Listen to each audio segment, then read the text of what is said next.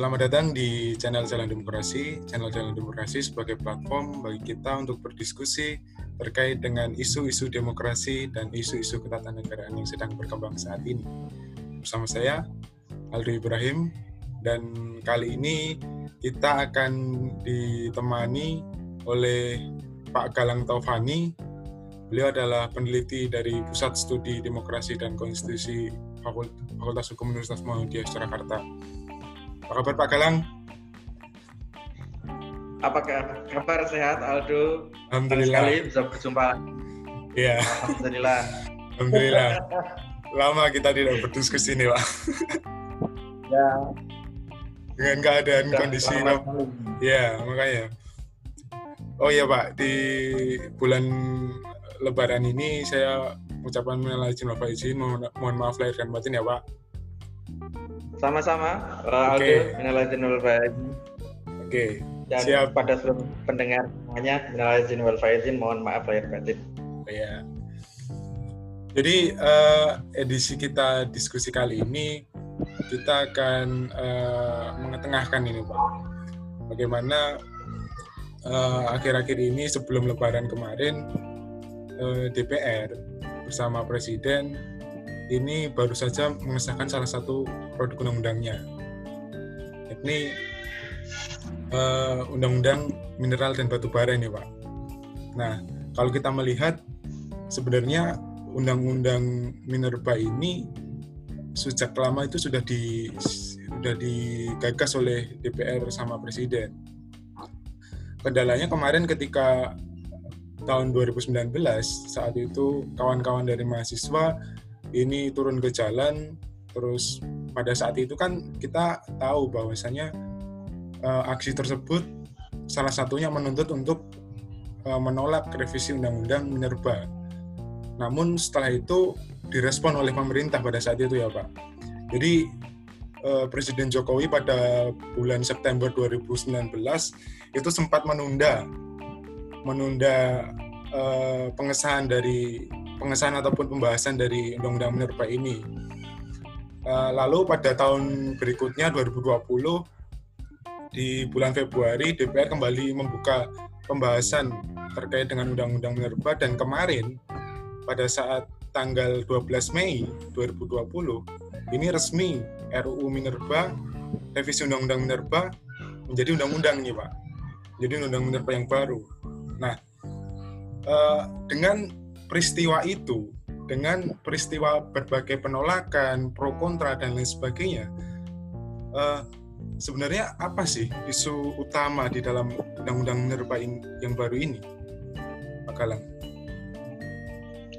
Ya, uh, menarik sekali kita berbicara lagi dengan isu-isu hukum terkini ya, ya. di forum uh, Jalan Demokrasi jadi memang um, ada beberapa asbabun nuzul lahirnya undang-undang minerba terbaru ini. Jadi kalau misalnya kita melihat frame historisitas undang-undang mineral dan batu bara itu undang-undang mineral minerba yang kita kenal dengan undang-undang mineral batu bara ini adalah undang-undang yang sudah ada pada tahun 2009 tepatnya berkaitan dengan undang-undang nomor 4 tahun 2009 uh, Undang-Undang Nomor 4 Tahun 2009 itu lahir sebagai satu payung hukum pengelolaan sumber daya alam khususnya mineral dan batu bara yang ada di negara kita. Uh, pada tahun 2009 kita uh, pada waktu itu saya masih ingat betul uh, beberapa partai politik mendorong betul supaya pengesahan dari undang-undang ini segera dilaksanakan karena ada beberapa isu yang sangat strategis di antaranya adalah kalau kita mengenal ada model baru disebut dengan izin pertambangan kemudian kita juga yang itu merupakan satu konsep baru perizinan yang menggantikan model lama yang disebut dengan kontrak kerja. Jadi ada perbedaan model di sini yang dulu kita sebut dengan kontrak kerja berubah menjadi uh, uh, izin usaha pertambangan. Kontrak kerja itu adalah model kontrak yang sifatnya egaliter, sedangkan uh, izin usaha pertambangan sifatnya adalah uh, apa namanya uh, subordinatif. Jadi pemerintah itu sebagai pemilik kedaulatan tertinggi. Jadi barang siapa yang ingin mengelola pertambangan maka akan diberikan konsesi yaitu konsesi yaitu pengelolaan sumber daya alam. Jadi dan orang harus izin melakukan meminta izin kepada pemerintah. Kemudian yang kedua adalah divestasi. Saya kira ini salah satu instrumen yang paling strategis pada tahun 2009 itu juga yaitu berkaitan dengan uh, penguasaan saham. Jadi negara-negara yang negara-negara sorry maksud saya adalah saham negara itu harus dimiliki lebih dari 50% pada waktu itu 51%. Tentu semua kriteria ini harus ditindaklanjuti melalui peraturan pemerintah dan peraturan menteri dan seterusnya. Dan sampai sekarang kita lihat uh, ini juga sebuah cukup berjalan sebetulnya. Uh, sebetulnya itu poin penting sebenarnya dari undang-undang minerba. Jadi kita mencoba melakukan satu gerakan uh, take over satu kedaulatan dalam bentuk uh, penguasaan sumber daya alam kita uh, sebagai satu dorongan penuh terhadap implementasi pasal 33 Undang-Undang Dasar 1945 sebetulnya. Uh, isu ini sebetulnya um, sudah cukup lama berjalan melalui peraturan pemerintah. Kita nanti waktu itu sudah berjalan uh, diberi waktu beberapa tahun lima tahun kemudian dan seterusnya sehingga sampai sekarang pun terjadi ya. Dan itulah yang menjadi alasan atau dasar uh, perlunya revisi undang-undang minerba. Artinya setelah kemarin pada tahun 2009 ya 2009 sekarang itu kalau kita menghitung itu paling tidak kita sudah melakukan itu sekitar 10 tahun. Maka inilah evaluasi 10 tahun eh, terkait dengan pelaksanaan aspek hukum Undang-Undang Mineral Batubara. Nah, ternyata ditemukan beberapa hal. Kenapa sih urgensinya satu undang-undang ini untuk direvisi? Ya, itu adalah karena ada beberapa perubahan terkait dengan uh, putusan Mahkamah Konstitusi.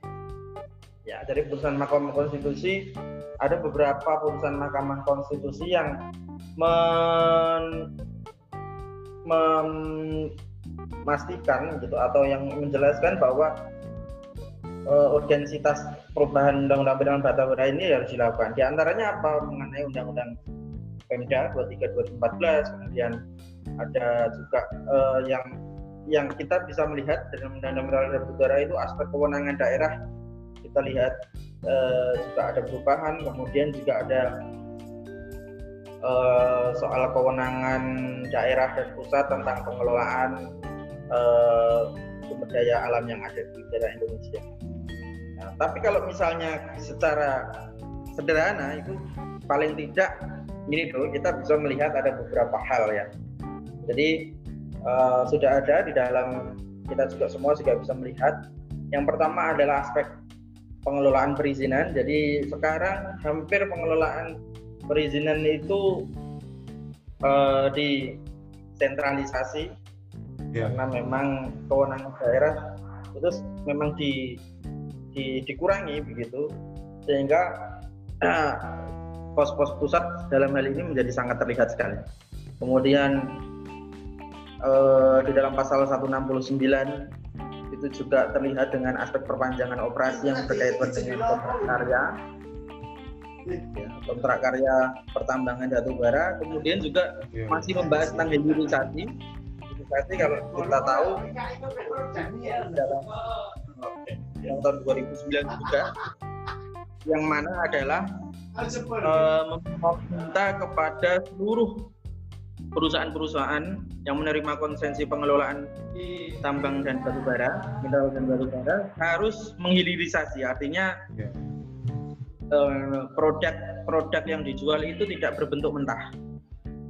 Jadi berbuat misalnya uh, minimal barang-barang itu sudah di, ditingkatkan atau sudah diolah menjadi barang setengah jadi misalnya seperti itu. Yeah. Divestasi juga masih menjadi konsentrasi beberapa perusahaan-perusahaan pemegang izin usaha itu masih sahamnya masih dimiliki asing, jadi dia harus divestasi. Ya, jadi paling tidak negara atau badan usaha milik negara atau daerah itu harus memiliki 51 persen. Ya. Jadi seperti itu ada beberapa isu-isu yang ya. kalau uh, ya mengemuka di dalam uh, isu revisi Undang-Undang Mineral dan Batubara pada tahun 2009 eh 2020 yang baru saja kita ya. dengar Baik. kemarin kemarin. Kalau kita lihat ya kalau kita lihat kan yang Pak Galang sampaikan tadi uh, salah satu isu ini kan terkait dengan konsensi ya Pak. Jadi bagaimana konsensi itu terkait dengan uh, perizinan. Perizinan kalau ya. saya kalau saya melihat uh, di Undang-Undang mineral, mineral dan batu bara yang baru ini itu kesannya itu terkesan untuk memberikan kepastian bagi penambang-penambang besar untuk dapat memperpanjang izinnya di dalam uh, mengambil mineral dan batu bara itu sendiri gitu loh. Padahal kalau kita lihat di Undang-Undang Minerba yang lama, Undang-Undang Nomor 9 ini, ini kan uh, ketika ketika uh, konsensi itu sudah habis, maka di situ uh, negara secara otomatis mengambil alih pengelolaan mineral dan batu bara. Itu diatur dalam Undang-Undang Minerba yang lama. Namun di sini di Undang-Undang Minerba yang baru ini terkesan tidak begitu, Pak. Nah, yang jadi saya pertanyaan ini ini kan sebenarnya sudah sudah sudah bagus undang-undang minerba yang baru ini gimana konsensi yang telah habis lalu dikelola negara melalui BUMN itu kan eh, kedaulatan ekonomi kita itu itu sangat sangat kuat di undang-undang minerba yang lama kenapa di undang-undang minerba yang baru ini ter, yang terkesan kapitalistik gitu saya bilangnya seperti itu. Ini kenapa diganti gitu loh pak? Nah, pak kalian seperti apa itu? Ya memang kalau kita merujuk pada uh, kajian-kajian yang muncul pihak sebetulnya ini kan adalah rancangan undang-undang yang diajukan oleh pemerintah. Ya kan? Uh, memang kalau kita mengacu beberapa pasal misalnya yang berkaitan mungkin yang dimaksud Aldo itu adalah pasal terkait dengan pasal 169 yeah. yang berkaitan dengan uh, perjanjian karya. Beri, uh, per, apa? Perjanjian karya pengusaha pertambangan batu bara atau kita kenal di dalam Undang-Undang Minerba itu dengan istilah PKP 2B. Jadi memang uh, di dalam undang-undang yang lama kita itu akan menemukan uh, satu perasa yang seperti ini. Bagi uh, para pemegang kontrak karya yang akan masa waktunya itu akan habis, maka mereka itu akan dapat ya mengajukan izin usaha pertambangan khusus. Jadi gini, jadi sebelum jadi ada kita mengenal istilah itu perjanjian karya pengusaha pertambangan batu bara. Jadi salah satunya itu kan batu bara. Karena ini kan sebetulnya jadi kan ada beberapa perjanjian-perjanjian konsesi kon ya. Jadi kita bukan konsesi namanya, memang perjanjian antara negara dengan perusahaan-perusahaan swasta itu dilakukan terlebih dahulu yang sudah lama. Namun setelah terbitnya Undang-Undang Minerba tidak semata-mata menghilangkan kontrak karya yang sudah terjadi di masa lalu ya Undang-Undang Mineral Batu Bara tahun 2009 itu kan memberikan kesempatan kepada para pemegang kontrak karya dalam hal ini perusahaan-perusahaan swasta termasuk di sini adalah uh, tidak hanya kontrak karya dengan model perjanjian karya pengusahaan pertambangan batu bara atau PKP 2B itu menyelesaikan masa waktunya. Jadi masa waktunya tuh yang bertahun-tahun yang lalu itu ada puluhan tahun juga. Ya.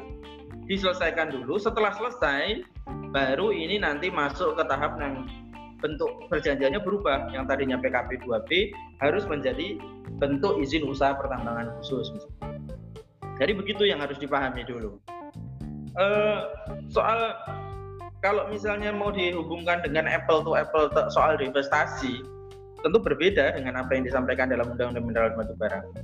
Divestasi itu artinya apa? Uh, kepemilikan saham ya jadi kalau kita mengacu pada beberapa waktu yang lalu itu misalnya undang-undang mineral dan batu bara itu mengatur tentang divestasi kepemilikan saham asing itu harus didivestasi jadi tidak boleh melebihi uh, 49 persen Oh. Atau dengan bahasa yang lain, negara Indonesia harus memiliki saham di atas 51 persen. Ya, itu terjadi. Misalnya Freeport. Ya, dalam kasus Freeport beberapa waktu yang lalu kita berhasil melakukan renegosiasi kan dari kontrak karya. Ya, Freeport pada waktu beberapa kalau nggak salah tahun 2000 berapa ini perjanjian juga berubah. Izin usaha pertambangan khusus.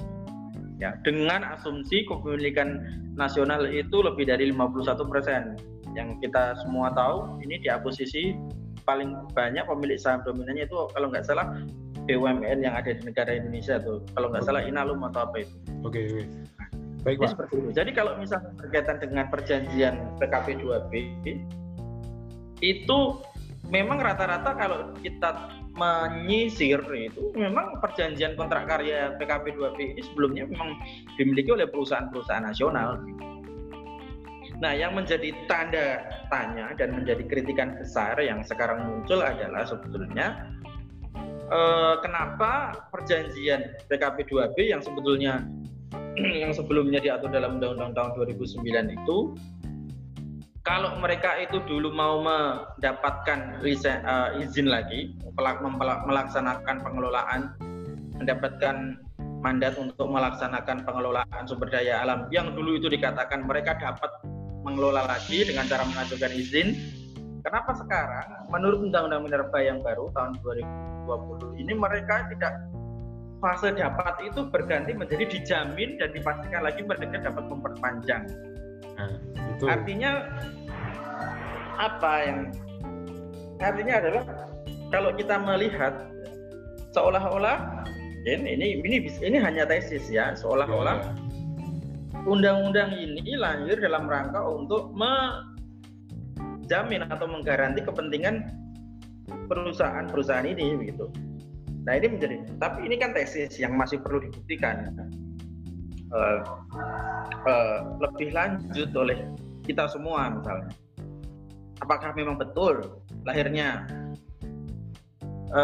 undang-undang uh, ini betul-betul me,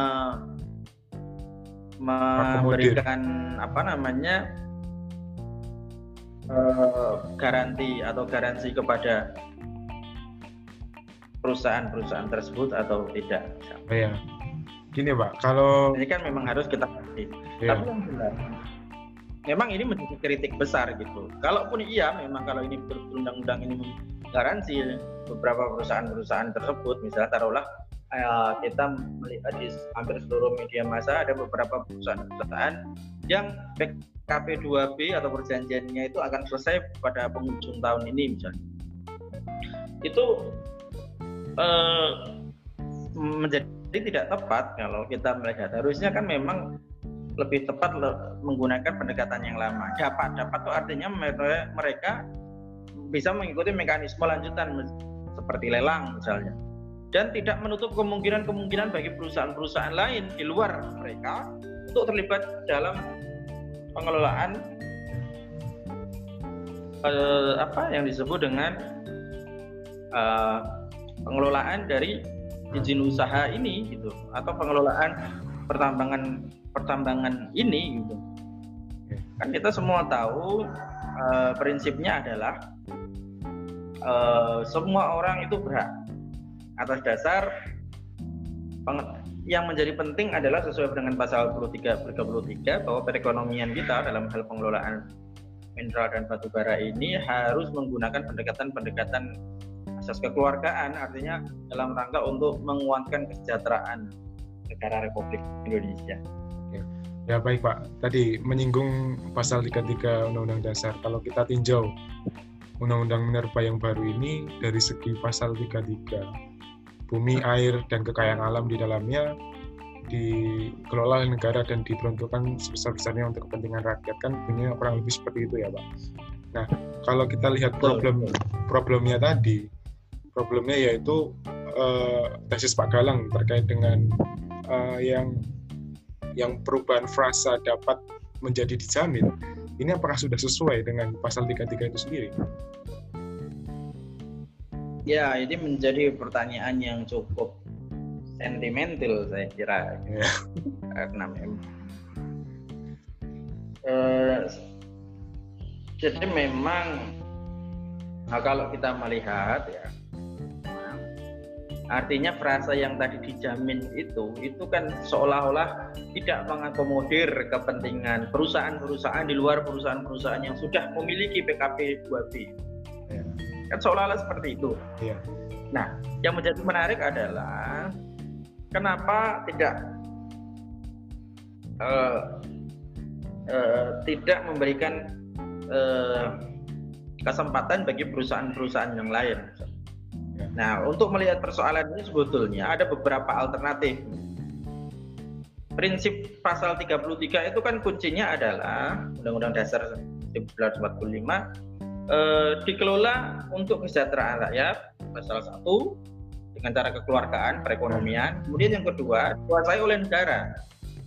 Artinya, kalau misalnya kita melihat dari pasal ini, eh, selama itu profitable, dikelola dengan cara-cara yang tepat kemudian memberikan keuntungan profit yang itu mampu memberikan kesejahteraan kepada seluruh rakyat Indonesia itu boleh-boleh saja tapi dalam konteks ekonomi menjadi menarik. Kira-kira kemungkinan kemungkinan apa saja yang bisa terjadi selain selain itu misalnya? Misalnya saja kan kita sering kali bisa memberikan alternatif oh uh, satu itu diberikan kepada mereka lagi kan kemungkinan seperti itu yang pertama. Dengan frase dijamin ini yang pertama berarti oh ini diberikan kepada perusahaan-perusahaan yang tadi memilih ya. apa yang, yang sebelumnya. memilih PKP 2B.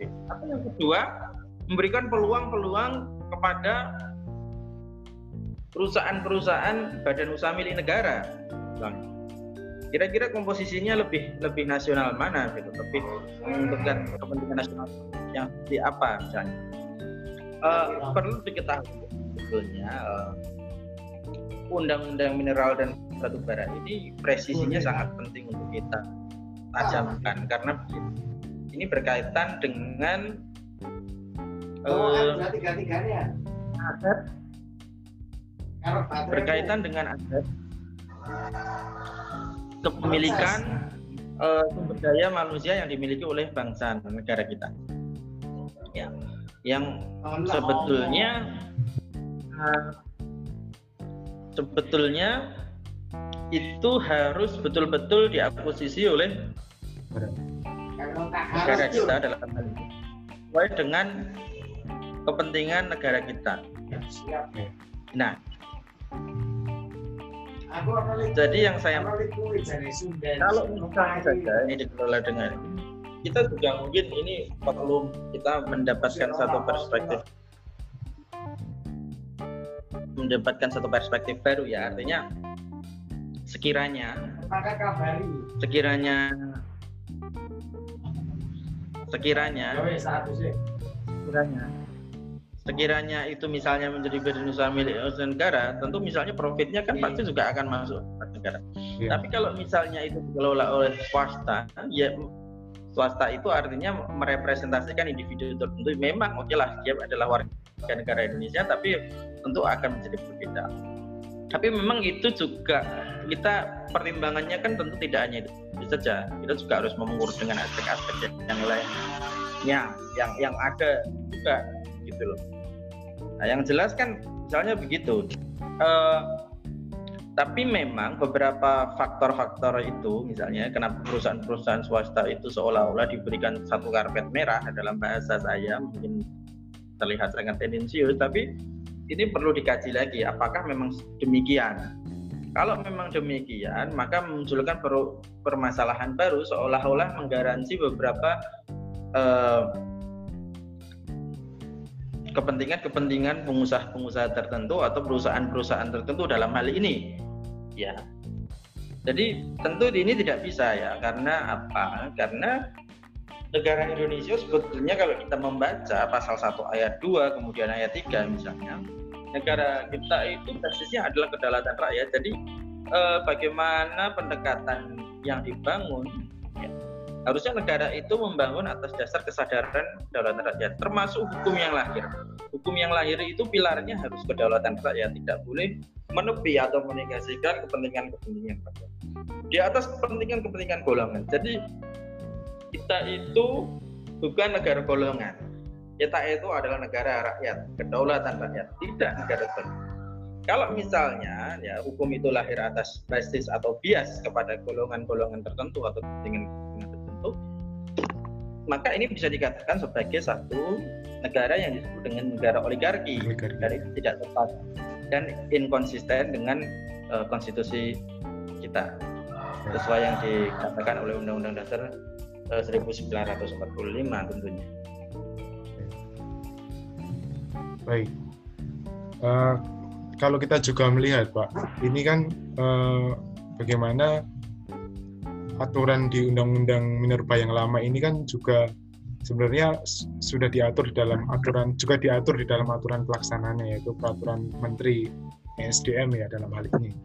Nah eh, banyak sekali ini eh, aturan antara undang-undang dengan aturan pelaksananya yaitu peraturan Menteri ini tidak sesuai, tidak sejalan. Nah Nah, ini bagaimana Pak melihat ini? Ini kan kalau kita berbicara ini, kita juga harus berbicara terkait dengan teori uh, Hans Kelsen ya, itu seven teori itu ya.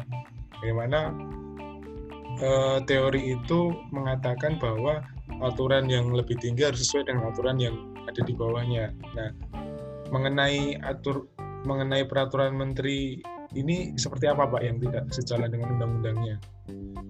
Menanggapi hal ini gimana Pak? Iya, memang ada beberapa peraturan pemerintah dan peraturan Menteri SDM kalau kita berkaca dalam beberapa waktu yang lalu itu soal uh, saya beri catatan khusus saja mengenai beberapa pasal menteri misalnya saja yang berkaitan dengan uh, apa namanya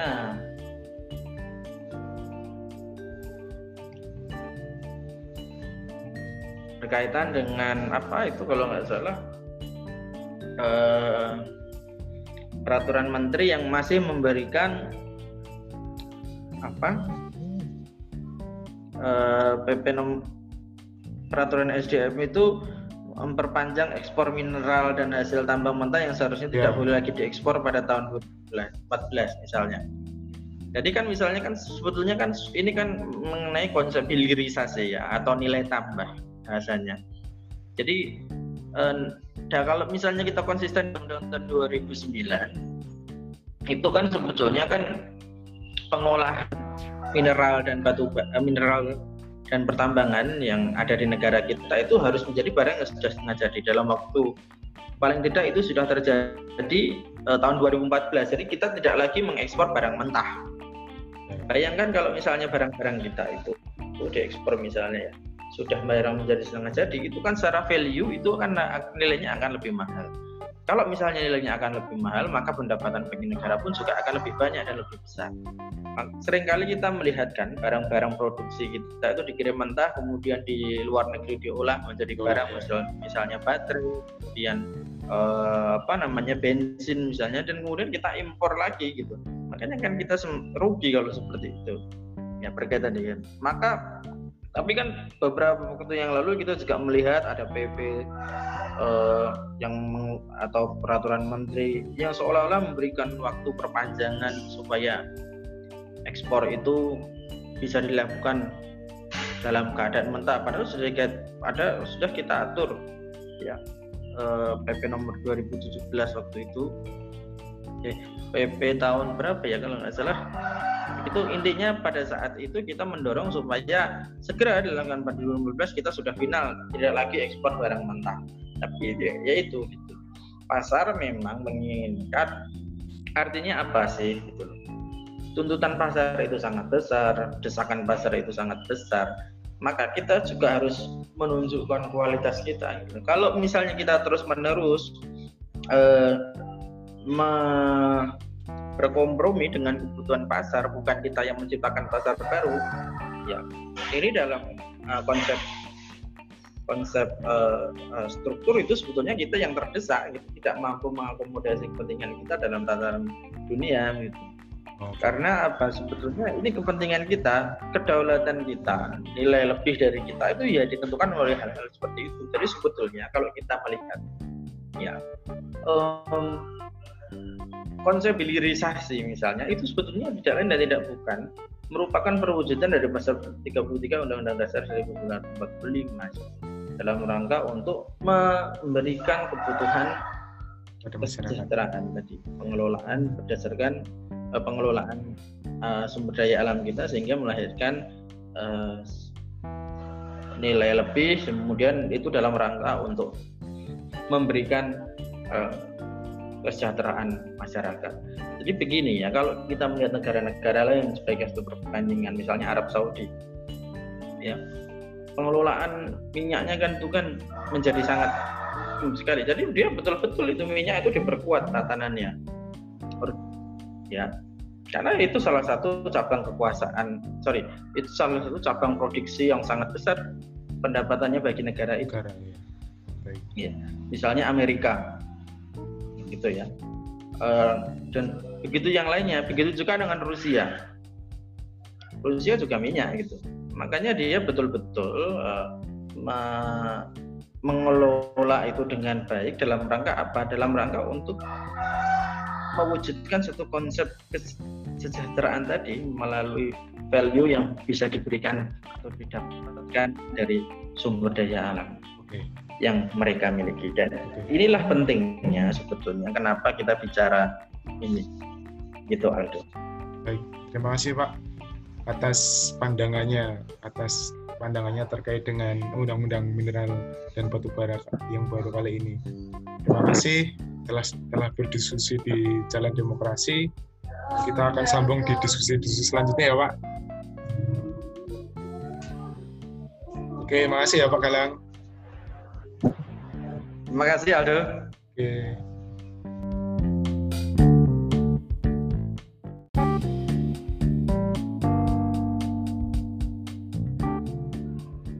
Baik, selamat datang di Jalan Demokrasi Jalan Demokrasi sebagai platform bagi kita untuk berdiskusi terkait dengan isu-isu demokrasi dan isu-isu ketatanegaraan yang sedang berkembang saat ini. Bersama saya, Aldo Ibrahim, dan kali ini kita ditemani oleh Bapak Herlambang Wiratman. Beliau adalah dosen dari Universitas Airlangga Surabaya. Selamat siang Pak Herlambang. Selamat siang Mas Aldo. Ya, apa kabar Pak Herlambang? Alhamdulillah baik. Alhamdulillah. Ini saya lihat kemarin Pak Erlambang ini ya sempat ngisi di beberapa forum diskusi ya. Saya lihat di beberapa pamflet itu eh, Pak Erlambang menjadi narasumber ini, terutama dengan ya. isu-isu terkait dengan kebebasan akademiknya, Pak. Ya karena kebetulan eh, apa sejak tahun kemarin diamanai koordinator Kaukus uh, Indonesia untuk kebebasan akademik. Jadi ya kawan-kawan uh, banyak ini ini masih terus ini ada berapa kali putaran diskusi uh, topik kebebasan akademik sampai minggu depan. Wah luar biasa. Berarti ini jalan demokrasi ini udah diberikan waktu spesial ya untuk Pak Erlambang ya ini. Ya. Terima kasih ya Pak Erlambang atas waktunya. Ya sama-sama. Ya ya menyinggung tadi terkait dengan isu uh, kebebasan akademik nih Pak Erlambang. Jadi uh, kebebasan akademik ini kan sebenarnya kebebasan yang bersifat fundamental ya Pak. Dalam rangka untuk mengembangkan otonomi institusi akademik. Nah, bagian dari kebebasan akademik itu kan termasuk bagian uh, kebebasan berekspresi, berpendapat, Hal itu pun diatur di dalam pasal 28E ayat 3 Undang-Undang Dasar 1945. Kalau kita ya. kaitkan kebebasan akademik itu di ranah kampus, sejatinya kan harus tetap dijunjung tinggi. Hal itu sebenarnya juga sudah diatur di dalam pasal 8 ayat 1 Undang-Undang Nomor 12 Tahun 2012 tentang Pendidikan Tinggi yang menyebutkan dalam penyelenggaraan pendidikan dan pengembangan ilmu pengetahuan dan, dan teknologi berlaku kebebasan akademik. Nah, namun menjadi menarik ketika akhir-akhir ini banyak isu-isu terkait dengan kebebasan akademik itu menyeruak, Pak.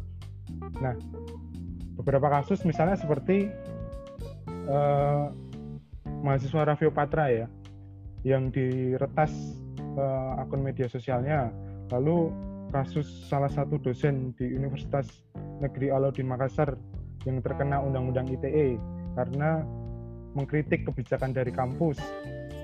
Ya, hingga. Mening ya, hingga meninggalnya dua mahasiswa Universitas Halu Oleo yakni Randi dan Yusuf dalam menyampaikan aspirasinya melalui demonstrasi pada saat itu yang bertajuk reformasi di korupsi yang hingga meninggal dunia dua mahasiswa ini. Hingga yang terbaru ini Pak kasusnya di Universitas Gajah Mada yang yang akan menyelenggarakan tema terkait dengan pemberhentian presiden di tengah COVID-19 ini yang malah justru eh, adanya intimidasi dari beberapa kalangan untuk uh, mengancam bahkan hingga meneror dari pihak narasumber maupun penyelenggara diskusi. Nah, melihat beberapa kasus, serangkaian kasus ini, bagaimana Pak Herlambang Wiratman ini melihat hal tersebut? Monggo, Pak. Baik, uh, nama saya bukan Wiratman ya, Wiratraman. Oh iya, Wiratraman, maaf Pak. Gak apa-apa. Iya.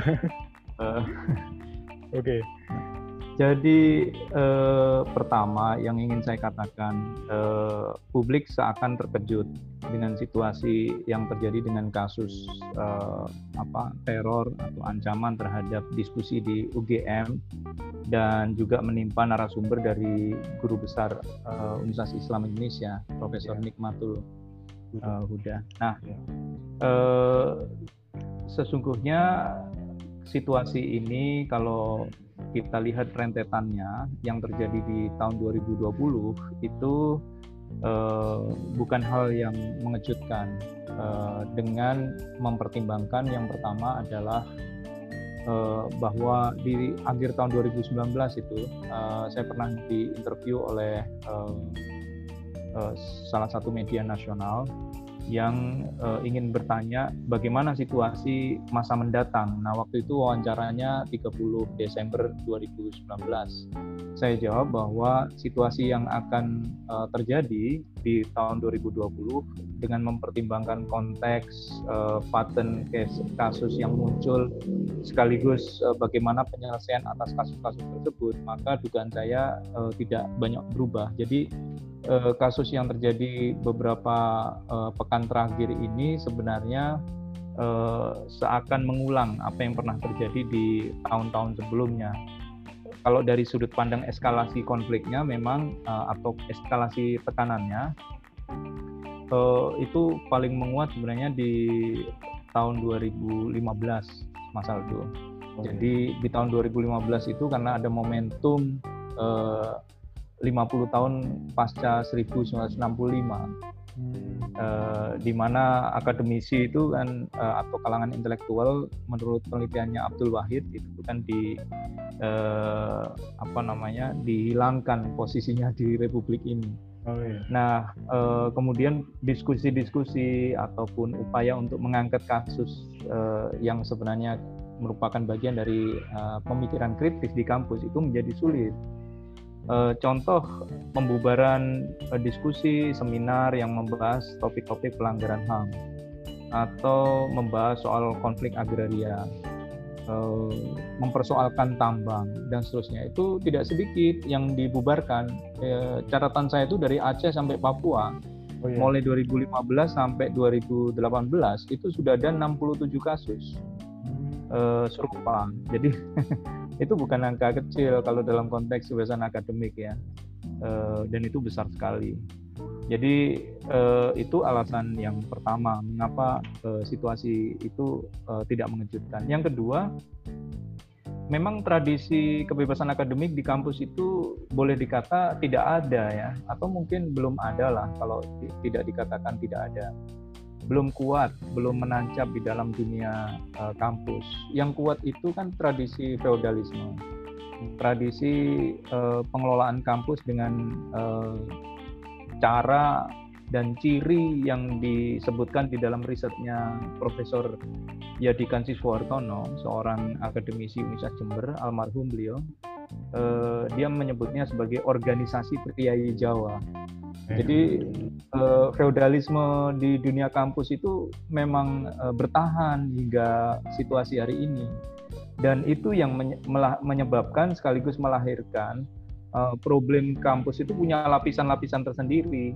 Uh, tidak jarang akademisi itu ketika mendapati tekanan uh, dari pemerintah, dari korporasi atau dari kelompok milisi sipil, uh, preman dan seterusnya itu uh, justru internal kampus merepresi akademisinya bukan uh, membentengi. Itu uh, situasi yang uh, kerap kali uh, saya mendapatkannya di lapangan.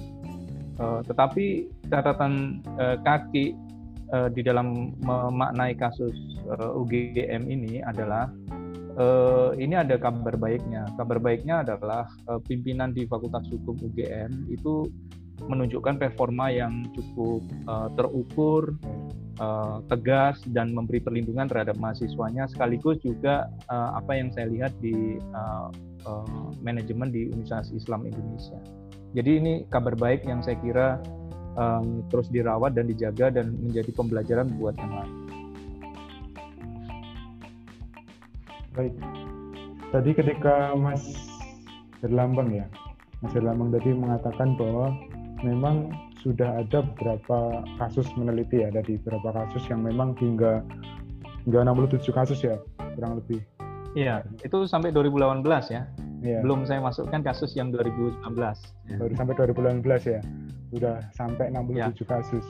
Ini apakah kasus-kasus yang terjadi saat ini di ranah kebebasan akademik itu merupakan tindakan yang represif? Iya, saya kira ya saya kira memang benar itu uh, situasi represif ya. Yang saya maksudkan situasi represif itu begini ada seorang dosen mengembangkan metode belajar diancam bunuh. Hanya karena dia mengajak mahasiswanya belajar di sebuah uh, gereja. Ada uh, dosen yang, yang memberikan keterangan ahli di uh, persidangan karena dedikasinya terhadap upaya pelestarian lingkungan. Tapi justru digugat uh, perdata miliaran bahkan triliunan. Ada dosen yang uh, juga menyelenggarakan uh, perkuliahan uh, dengan perspektif kritisnya justru dikeluarkan dari kampus karena uh, dianggap sebagai tradisi liberal atau tidak uh, tidak sesuai dengan uh, adat ketimuran atau budaya uh, Indonesia katanya begitu. Uh, dan uh, ada banyak ragam yang lain dan yang paling uh, menyedihkan itu adalah uh, sudah mulai banyak kasus-kasus uh, yang kebetulan dilaporkan belakangan ini juga terkait dengan misalnya sweeping buku, yeah. uh, pembubaran uh, pembubaran atau pembatalan atau bahkan uh, apa tidak diizinkannya diskusi-diskusi pemutaran film juga tidak sedikit jumlahnya yang dibatalkan. Diskusi novel juga pernah ada yang dibatalkan. Padahal diskusi tentang novel ya. Yeah. Eh, tentang apa namanya eh, saya lupa judul Aleppo itu berkait dengan eh, diskusi di Malang waktu itu. Nah, eh, bukankah itu eh, cara-cara represi yang dengan segala bentuknya seperti eh, juga pemidanaan apa yang terjadi di yang disebutkan oleh Mas Aldo tadi Dr. Ramsyah hmm. sebenarnya sudah ada eh, dosen yang sudah dijatuhi putusan pengadilan negeri di Banda Aceh dalam kasusnya Dr. Saiful Mahdi dia dihukum tiga bulan dengan denda 10 juta hanya karena kritik di WhatsApp grup eh, lingkungan internalnya sendiri. Dan itu adalah upaya yang sebenarnya eh, mendorong uh, kebebasan otonomi uh, kampus sebenarnya. Yang uh, justru harusnya dilindungi tapi uh, dia berhadapan dengan uh, mesin undang-undang ITE yang itu justru me memidanakan si akademisi Gitu. Baik. Uh, kalau kita berbicara terkait dengan kebebasan akademik, maka tak tak lepas kita juga berbicara juga terkait dengan konsep demokrasi ya karena memang salah ya, satu hmm. salah satu nafas dari demokrasi itu kan kebebasan itu sendiri nah bagaimana sebe bagaimana sebenarnya uh, kebebasan akademik dalam konsep demokrasi itu sendiri Pak Erlambang ya kebeba kebebasan uh, akademik itu bagian dari kebebasan ekspresi, ya. bagian dari pilar uh, negara demokrasi yang uh, teramat penting posisinya karena dia menyuarakan uh, kebenaran, menyuarakan kritik yang fungsinya adalah untuk kontrol, pengawasan terhadap uh, penguasa atau penyelenggara kekuasaan agar tidak sewenang-wenang. Di sisi lain sebenarnya kebebasan akademik itu juga punya fungsi baik di dalam rangka mendorong kebijakan yang lebih adaptif terhadap perkembangan teknologi, kemajuan peradaban dan seterusnya. Jadi uh, sesungguhnya penting posisinya di dalam uh, negara hukum uh, demokratis termasuk ketika memperbincangkan demokrasi.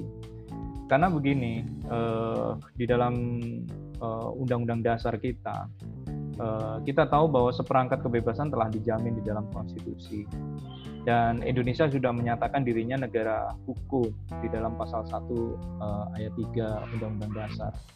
Nah, apa maknanya dari uh, mengakomodasi kebebasan ini di dalam konstitusi? Kontrak politik antara penyelenggara kekuasaan dengan warga negaranya itu sebenarnya di konstitusi. Dan uh, bagaimana kita tahu bahwa konstitusi ini dijalankan itu adalah bagian dari proses untuk menakar sejauh mana proses demokrasi itu terjadi.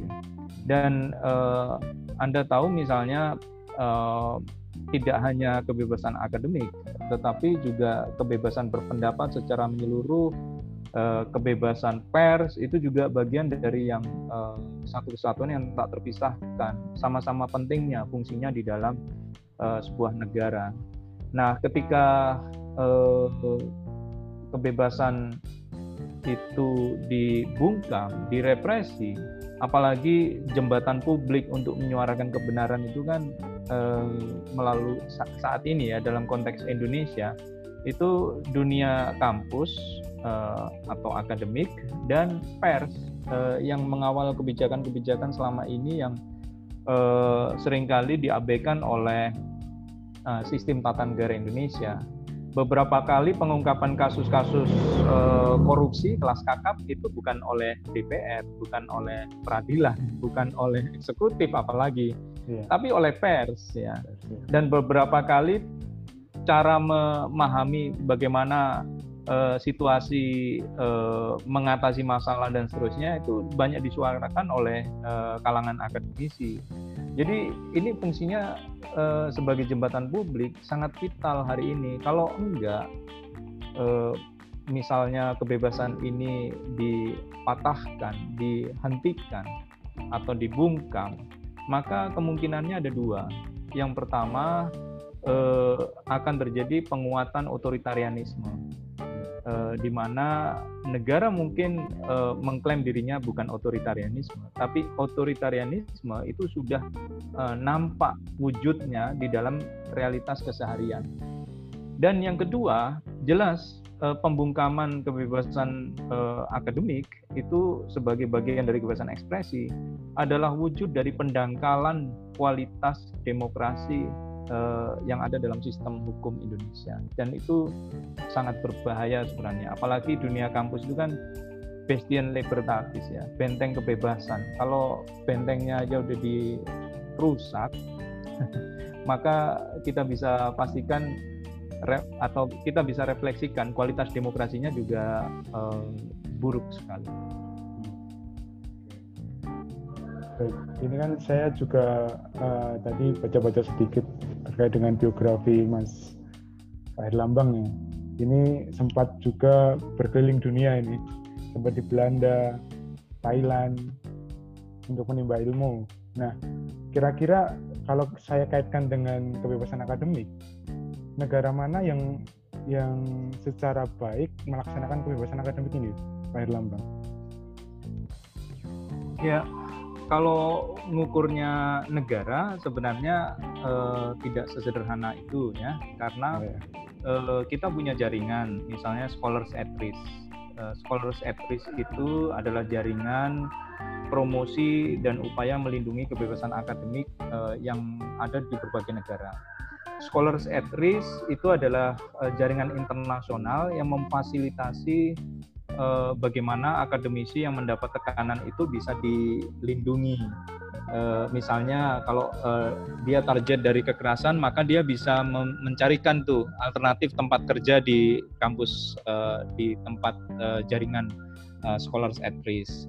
Uh, yang kedua, sebenarnya uh, promosi terhadap gagasan akademik ini uh, apa uh, merupakan tantangan tersendiri di dunia kampus. Jadi uh, ukurannya itu bukan soal negara yang memberi iklim uh, atas kebebasan akademik, tapi juga ditopang oleh sejauh mana kampus-kampus itu juga punya peran penting di dalam menopang kebebasan akademik itu. Jadi itu bukan sekedar urusannya negara, tapi juga urusannya kampus. Kenapa? Karena ada istilahnya otonomi kampus. Jadi menurut PBB di dalam sistem hukum HAM itu ada penafsiran dalam General Comment uh, 13 uh, di tahun uh, berapa itu yang di mana uh, uh, menegaskan kebebasan akademik itu ada di dua level. Yang pertama adalah kebebasan individual, yang kedua adalah uh, otonomi kampus. Nah, ketika memperbincangkan otonomi kampus itu sebenarnya self governance. Self governance itu dia harus merdeka dari intervensi negara malah. Uh, dia harus merdeka dari intervensi korporasi dan seterusnya. Nah nggak ada ceritanya uh, kebebasan akademik itu kalau uh, tidak uh, apa namanya uh, kalau nggak dijamin kampusnya itu akan berkompetisi secara internasional. Nggak ada rata-rata kampus yang bisa berkompetisi secara baik di level internasional itu karena iklim kebebasan akademiknya itu lebih baik. Oh. Jadi uh, indeks negara mengakui kebebasan akademik sih uh, saya nggak terlalu melihat kecuali Freedom House yang uh, kemarin menempatkan posisi kebebasan akademik menjadi varian penting. Tetapi uh, kita bisa lihat itu uh, ranking kampus bagaimana mereka merefleksikan kebebasan di dalam uh, apa mengemukakan gagasannya di lingkungan kampus kira-kira gitulah. Oke baik. Untuk pertanyaan terakhir ini Pak Pak Lambang, uh, ya. dengan serangkaian kasus terus diskusi kita tadi terkait dengan kebebasan akademik, sebenarnya uh, harapan ke depan untuk masa depan kebebasan akademik di negeri Indonesia ini seperti apa Pak Lambang harapannya? Ya, saya saya saya kira memang ini uh, mimpi ya dari uh, banyak akademisi dan kebetulan kita punya KIKA. KIKA itu Kaukus Indonesia untuk Kebebasan Akademik. KIKA sendiri berharap bahwa tradisi uh, untuk menjamin kebebasan akademik itu mulai uh, tumbuh dan menguat di dunia kampus. Eh, kenapa? Karena itu paralel dengan uh, menciptakan iklim uh, produksi pengetahuan yang lebih punya manfaat besar di dalam peradaban kemanusiaan. Yang kedua, bahwa otoritas publik itu juga punya kewajiban di dalam menghargai dan melindungi serta memastikan langkah-langkah untuk menjamin kebebasan akademik penundukan terhadap dunia kampus melalui birokratisasi politik itu juga nggak sehat. Itu sebabnya ke depan eh, di pemerintahan itu juga harus berpikir bagaimana menciptakan iklim kebebasan akademik itu dengan tidak mengintervensi kampus terlalu jauh. Nah, eh, di saat yang bersamaan maka kita harus sadar bahwa eh, insan akademis itu juga nggak bisa eh, apa dibatasi.